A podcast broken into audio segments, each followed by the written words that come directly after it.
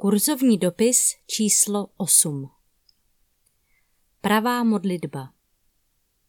Transfigurace 1 Prohlédnutí jako základ. Modlitba. Magie modlitby. Bůh tohoto světa. Modlitba žáka duchovní školy. Otčenáš Spojení mezi modlícím se člověkem a adresátem, transfigurace, cesta k božímu dětství. Pravá modlitba, transfigurace 1. Minulý večer jsme hovořili o enduře. To je proces, který v pozemském člověku vede k zastavení sebestředných aktivit a tak přemáhá moc toho, co je v mikrokosmu smrtelné. Endura vede nakonec k tomu, že se pozemský člověk předá a obětuje působení božských sil a umožňuje tak znovuzrození původního člověka. V Bibli říká Jan, když spatří Ježíše. On musí růst, já pak menšiti se. Pocítíme-li sami v sobě nutnost endury, pak také víme, že se v našem vlastním mikrokosmu musí odehrát totální revoluce. Pak nahlédneme neúčinnost a marnost všech ideí a snah, které chtějí tento pomíjivý svět a podzemského člověka pozvednout ke konečnému cíli božského stvoření. Zjistíme, že všechny pokusy zlepšit svět, ať jsou myšleny sebelépe, stroskotávají na základním zákonu dialektické přírody, totiž na zákonu vzniku, rozkvětu a zániku. Prohlédnutí jako základ.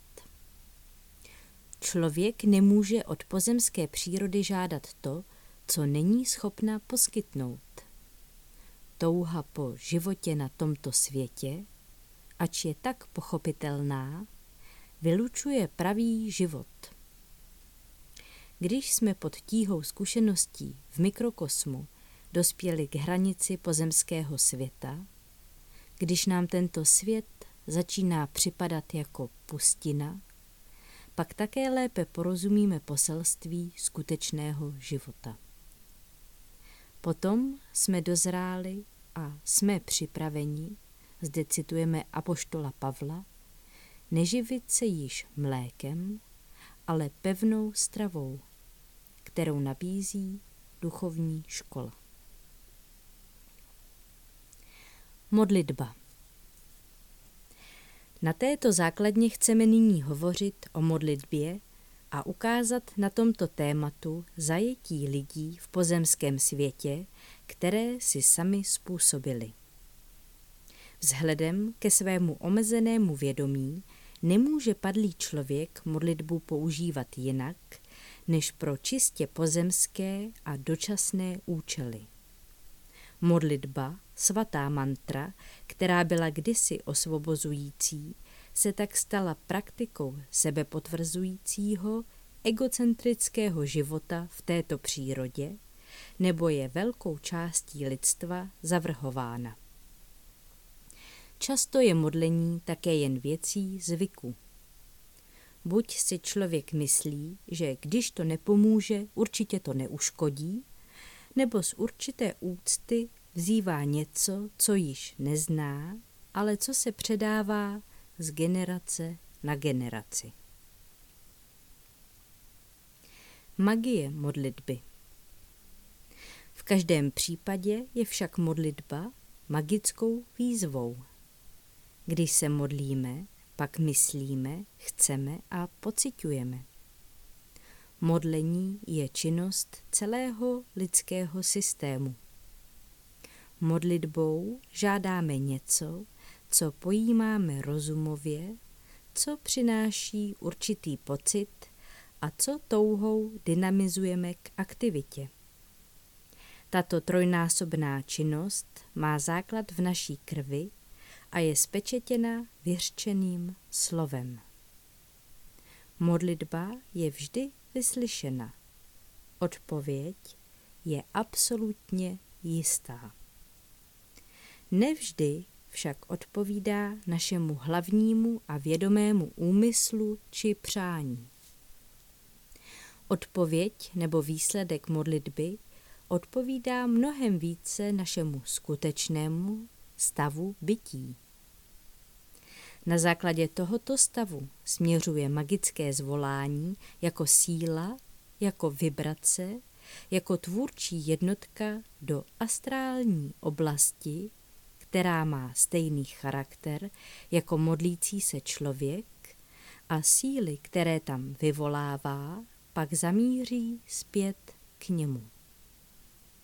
Člověka s egocentrickým vědomím uvězněného v matérii a pomíjivosti, pohání k jednání buď láska k sobě samému, nebo láska k jiným, touha po bohatství, moci, slávě či bezpečí.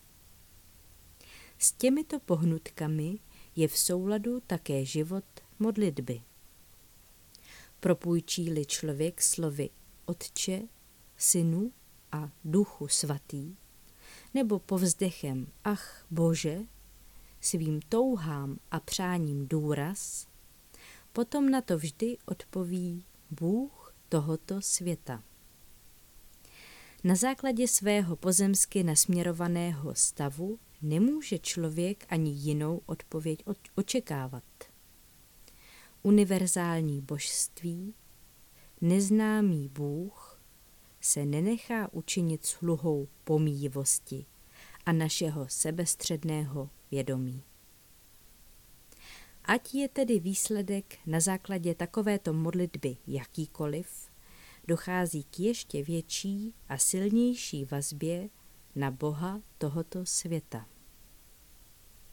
O tomto aspektu magie modlitby pojednáváme velmi podrobně poněvadž je s tím spojeno mnohem větší zlo, než nezasvěcený člověk tuší. Bůh tohoto světa v minulém dopise jsme vám vysvětlili, že myšlenky a představy, které jsou dostatečně dlouho a mocně stále znovu a znovu oživovány, se nakonec stávají inteligentními a samostatně působícími silami. Proto se chováním a vyzařováním lidských mikrokosmů utvořil kolektivní silový oblak, který zahaluje celou země kouli a je naplněn veškerými lidskými bludy a představami o Bohu. To je Bůh tohoto světa. Člověk tyto síly vzývá a oni nejenže odpovídají na jeho sobecká přání, ale také ho kvůli svému vlastnímu sebepotvrzení k modlitbám a bohoslužbám nutí. Úhrn všech nesvatých sil v silovém oblaku, který nás obklopuje, se ve vlastním zájmu neustále snaží v lidstvu tento blud modlitby udržovat a podněcovat. Za tím účelem byla vytvořena celá hierarchie služebníků, jak na tomto, tak i na onom světě. Tím se nám také může objasnit pozadí modlitební aktivity všech náboženských směrů. Přestože se tyto modlitby mohou zdát pouhou rutinou nebo jako neúčelné, jejich základem je rafinovaný úmysl – udržování Boha tohoto světa, udržování řídící hierarchie onoho světa a tím také padlé pozemské přírody. Pro tento cíl, vysvětlitelný přirozeným prosazováním sebe sama, není žádné jméno dost svaté, žádné slovo dost vznešené, aby se nedalo zneužít. Tak se modlitba jako osvobozující jednání obrátila ve svůj protiklad, protože se také člověk stal opakem toho, čím kdysi byl. Modlitba žáka duchovní školy Modlitbou žáka duchovní školy je v prvé řadě takový životní postoj a takové jednání, které odpovídá uskutečňování znovuzrození nového člověka. Jeho modlitbou je Pavlovo každodenní umírání. Endura katárů. Vzdává se všech přání pramenících z vědomí já, zaměřených na tento svět, protože ví, že se jimi váže na pána tohoto světa, od něhož chce přece postupně svůj mikrokosmos odpoutat. V jasném poznání této situace se vzdává také všech cvičení, praktik a metod, které možná v dobré víře doposud používal. Odmítne všechny tyto pomocné prostředky a plně se oddá gnózi. To je jeho modlitbou. Otčenáš. V Evangeliu stojí, že nám Ježíš Kristus dal jako modlitbu Otčenáš, který končí silnou mantrou. Buď vůle tvá, jak v nebi, tak i na zemi. Ani tuto mantru nemá člověk používat, abychom porozuměli této modlitbě, jejímu smyslu a použití, musíme se odpoutat od historické postavy Ježíše z Nazareta. Musíme opustit dogmatické představy, které stojí mezi námi a skutečností Krista. Kristus není žádná postava a žádná autorita, která vydává zákony a vyžaduje uznání nebo zbožňování. Kristus je spíše síla, záření vycházející z prapůvodu bytí, která je vysílána, aby vše pozemské znepokojila, rozlomila a přiměla na cestu k domovu. Kristus je síla, o níž se říká, žádný nepřijde k Otci, než skrze mne. A beze mne nemůžete nic činit. Je to záření skutečného bytí, v níž přijat mluvil Pavel o denním umírání a v níž také žák duchovní školy denně krok za krokem překonává svůj pozemský stav. Teprve, když je člověk na cestě ke svému božskému původu přijat do Kristovy síly, může opravdu říkat odčenáš, smí prosit o pomoc, přijď království tvé.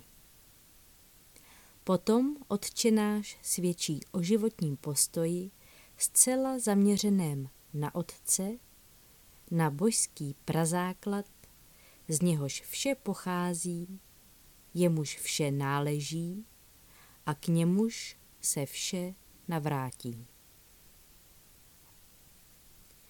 Spojení mezi modlícím se člověkem a adresátem. Modlit se odčenáš má tedy smysl jen tehdy, jsme-li na cestě stát se opět božím dítětem. Všechno ostatní je omyl. Každý člověk, který se modlí odčenáš a nežije endurou, se nutně modlí k Bohu svých představ a potvrzování sebe sama. Evangelium radí nechodit se modlit do ulic, nýbrž do tiché komůrky a v ústraní se obracet k Otci. Musíme se odvrátit od aurické bytosti našeho mikrokosmu, od takzvaného vyššího já. stáhnout se z hlučných tržišť našeho mikrokosmu a obrátit se k praatomu v hloubi srdce, v němž je vše ukryto. Při takovémto předání božskému základu v nás nepotřebujeme mnoho slov, neboť Otec ví, čeho je vám zapotřebí, dříve, než byste jej vy prosili. Posuďte nyní v této souvislosti okultní cvičení a metody a také humanitární pokusy, které se snaží přizpůsobit tělo a krev božskému světu a tímto způsobem chtějí překonat smrt. Člověk, který chce jít cestou návratu, všechny tyto metody opustí. Duchovní škola staví své žáky před ducha svobody. Nenabízí přitom žádnou autoritu ani žádnou metodu. Metody a cvičení, které používá já, udržují a posilují já. Kdo se na základě své zkušenosti svobodně a bez nátlaku rozhodne vykonat nádherné osvobozující dílo a tím opět uskutečnit ztracené boží dětství, toho duchovní škola vděčně přijme jako žáka a po určitém přípravném čase ho postaví před proces transfigurace. Transfigurace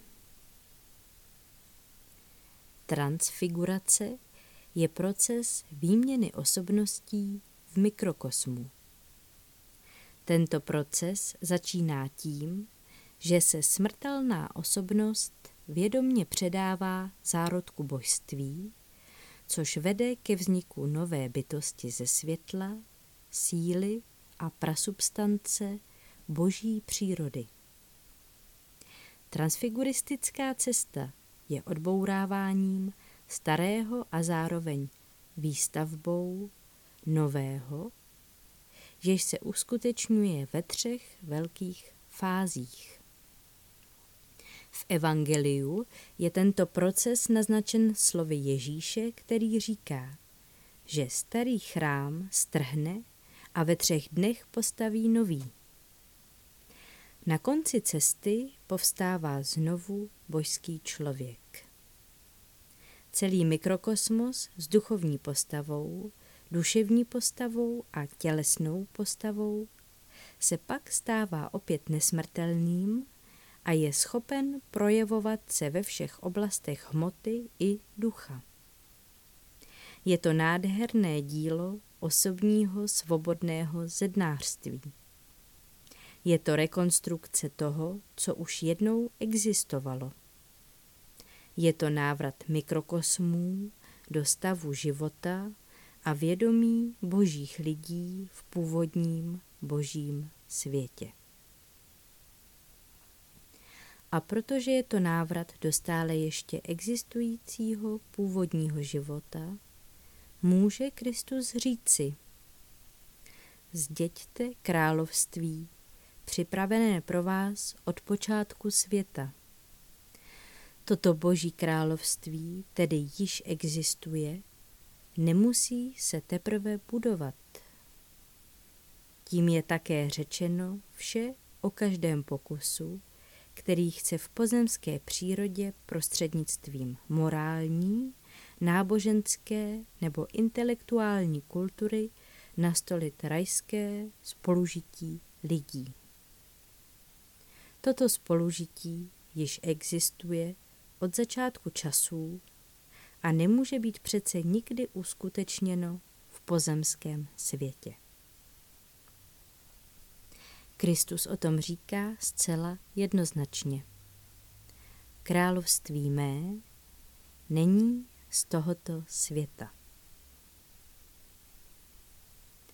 Cesta k božímu dětství. Transfigurace vede k božímu dětství, k novému životu. Je to život, který není zrozen ani z krve, ani z vůle, těla, ani z vůle muže, nýbrž z Boha. Transfigurace nemůže být nikdy výsledkem experimentu. Nikdy nemůže začít jen pokusně nebo spekulativně, to znamená bez poznání světa a vlastního stavu. Může začít pouze jednáním, které se zakládá na hlubokém vhledu a zkušenostech. Kdo začal s neutralizací sil pozemské přírody ve svém mikrokosmu, kdo jde cestou endury, vstoupil nejen teoreticky, ale skutečně do první fáze procesu návratu. V rámci těchto procesů znamená každé ubývání pozemské přírody zároveň přibývání ducha. Tímto způsobem je smrt pohlcena vítězstvím. Poutníkovi na cestě se všechno stává živoucí zkušeností. Přestože jsme svou osobností vázáni na kolo života a smrti, můžeme silou praatomu dojít ke zdárnému konci. Pokud jste se už začali svěřovat silám vycházejícím z praatomu, pak i pro vás platí slova. Kdo učiní jeden krok k otci, tomu otec vyjde dva kroky vstříc. V příštím dopise budeme v tématu transfigurace pokračovat a vysvětlíme tento proces ještě blíže.